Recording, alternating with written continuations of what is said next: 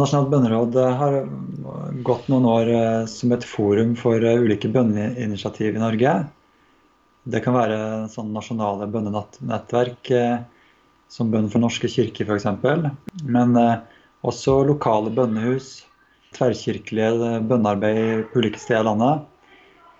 Så hensikten er at vi skal komme sammen og bli litt kjent, vi som eh, leder bønnemøter osv. rundt omkring. Og at vi også kan stå sammen og be for landet. Litt sånn koordinert, det vi gjør, da. Men du eh, Jon Steinar, hva er egentlig bønn, og hvorfor er det viktig for deg? Det er jo et godt spørsmål. Jeg tenker eh, først og fremst at vi er kalt til samfunn med Jesus. Til fellesskap med Jesus. Og det er jo det Maria gjorde når hun satte seg ved Jesu føtter eh, mens Martha var travelt opptatt med å tjene Jesus, så, så var det liksom ett som var nødvendig.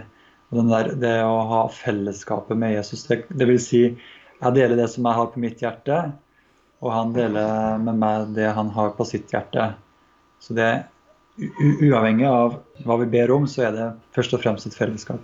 Og så tenker jeg jo at, eh, som Paulus sier, at vi skal gå i forbønn for eh, for alle mennesker, og for de som er i høye stillinger spesielt.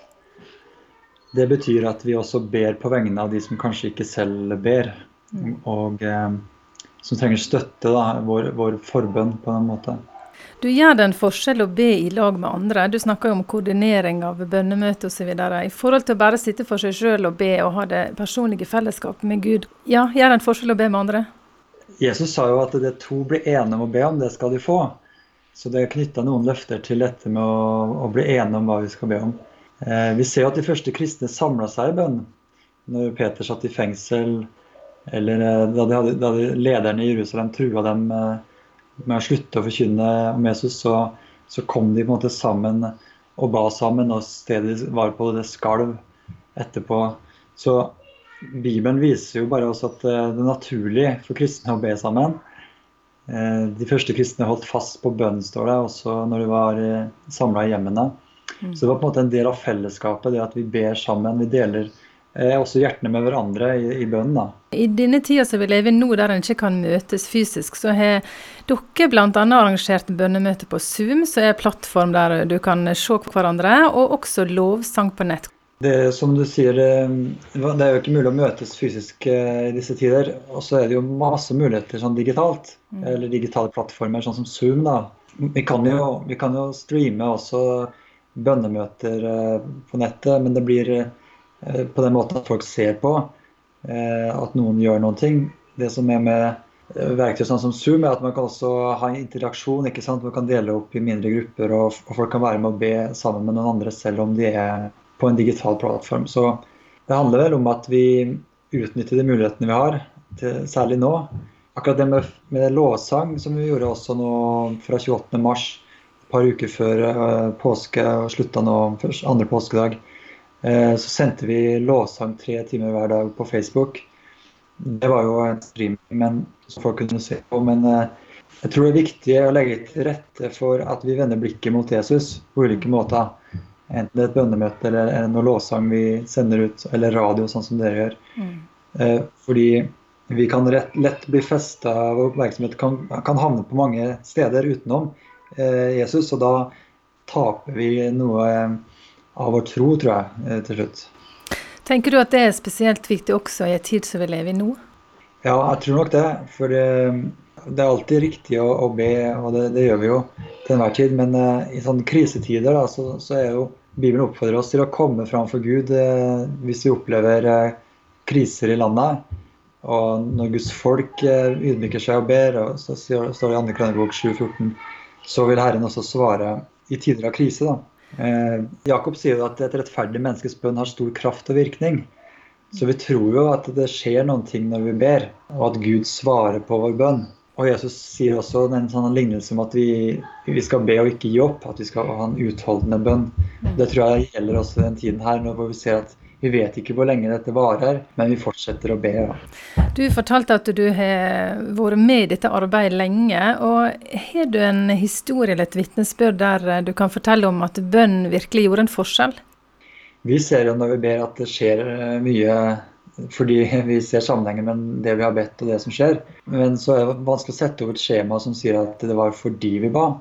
Men uh, vi kan ta et eksempel. Uh, for et år siden så, så gikk Stortinget inn for en rekke endringer i bioteknologilovgivningen. Det var flertall for det ene og det andre som, som handla om å flytte grenser på biologisk uh, forbindelse mellom barn og foreldre, bl.a eggdonasjon osv. Og alt dette her var det flertall for på Stortinget, og vi bare ba oss ha dette skal vi ikke ha. Og så skjedde det en endringen i regjeringen, at KrF eh, kom inn og de la ned veto mot disse vedtakene. Så det har ikke skjedd ennå, så skal det opp igjen nå til våren.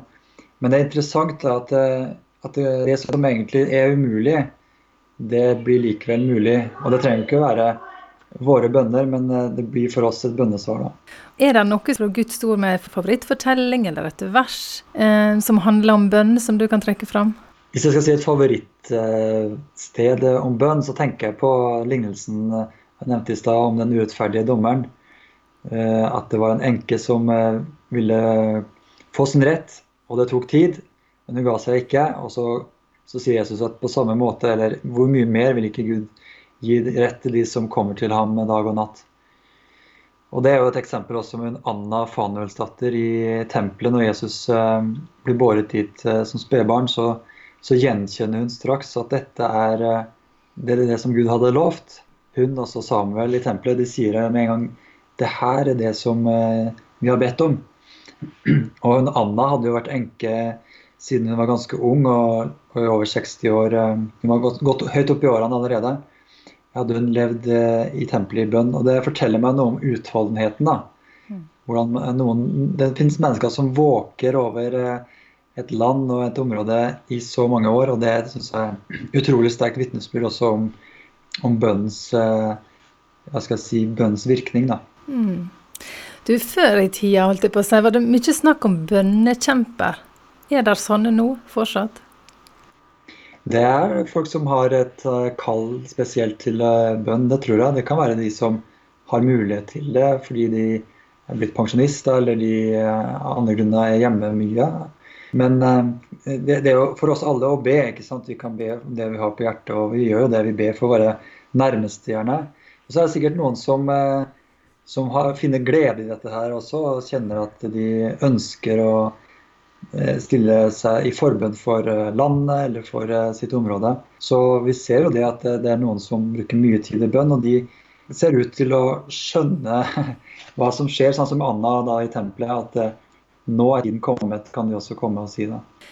En kan jo tenke at det med å be masse, det er en nådegave. Tenker du at, det, at å be det er for alle? Altså Noen kan sitte og tenke at det, det med bønn er vanskelig. altså. Tankene flyger, jeg klarer ikke å konsentrere meg.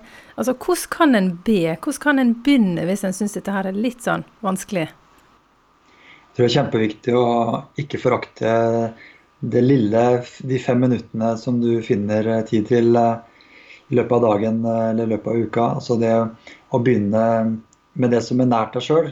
Vi, vi, gjør nok det alle sammen. Vi ber eh, ting vi opplever i hverdagen som vi syns er krevende. Og så eh, jeg tror også veldig mange som ber for eh, familie, barnebarn eh, og naboer, og også folk som har situasjoner, kanskje noen er syke. Så, så vi, vi, trenger å ikke se ned på de bønnene vi ber, og heller tenke at, at vi kan be for det som er nært oss sjøl. Og så vil vi kunne plukke opp andre bønneemner og ting vi ser skjer eh, Vi ber for Erna Solberg, det kan vi gjøre alle sammen. Vi kan be mm. for kongehuset. Mm. Og så tror jeg det, det utvikler seg et bønneliv etter hvert også. Så det er bare viktig å begynne et sted, tenker jeg.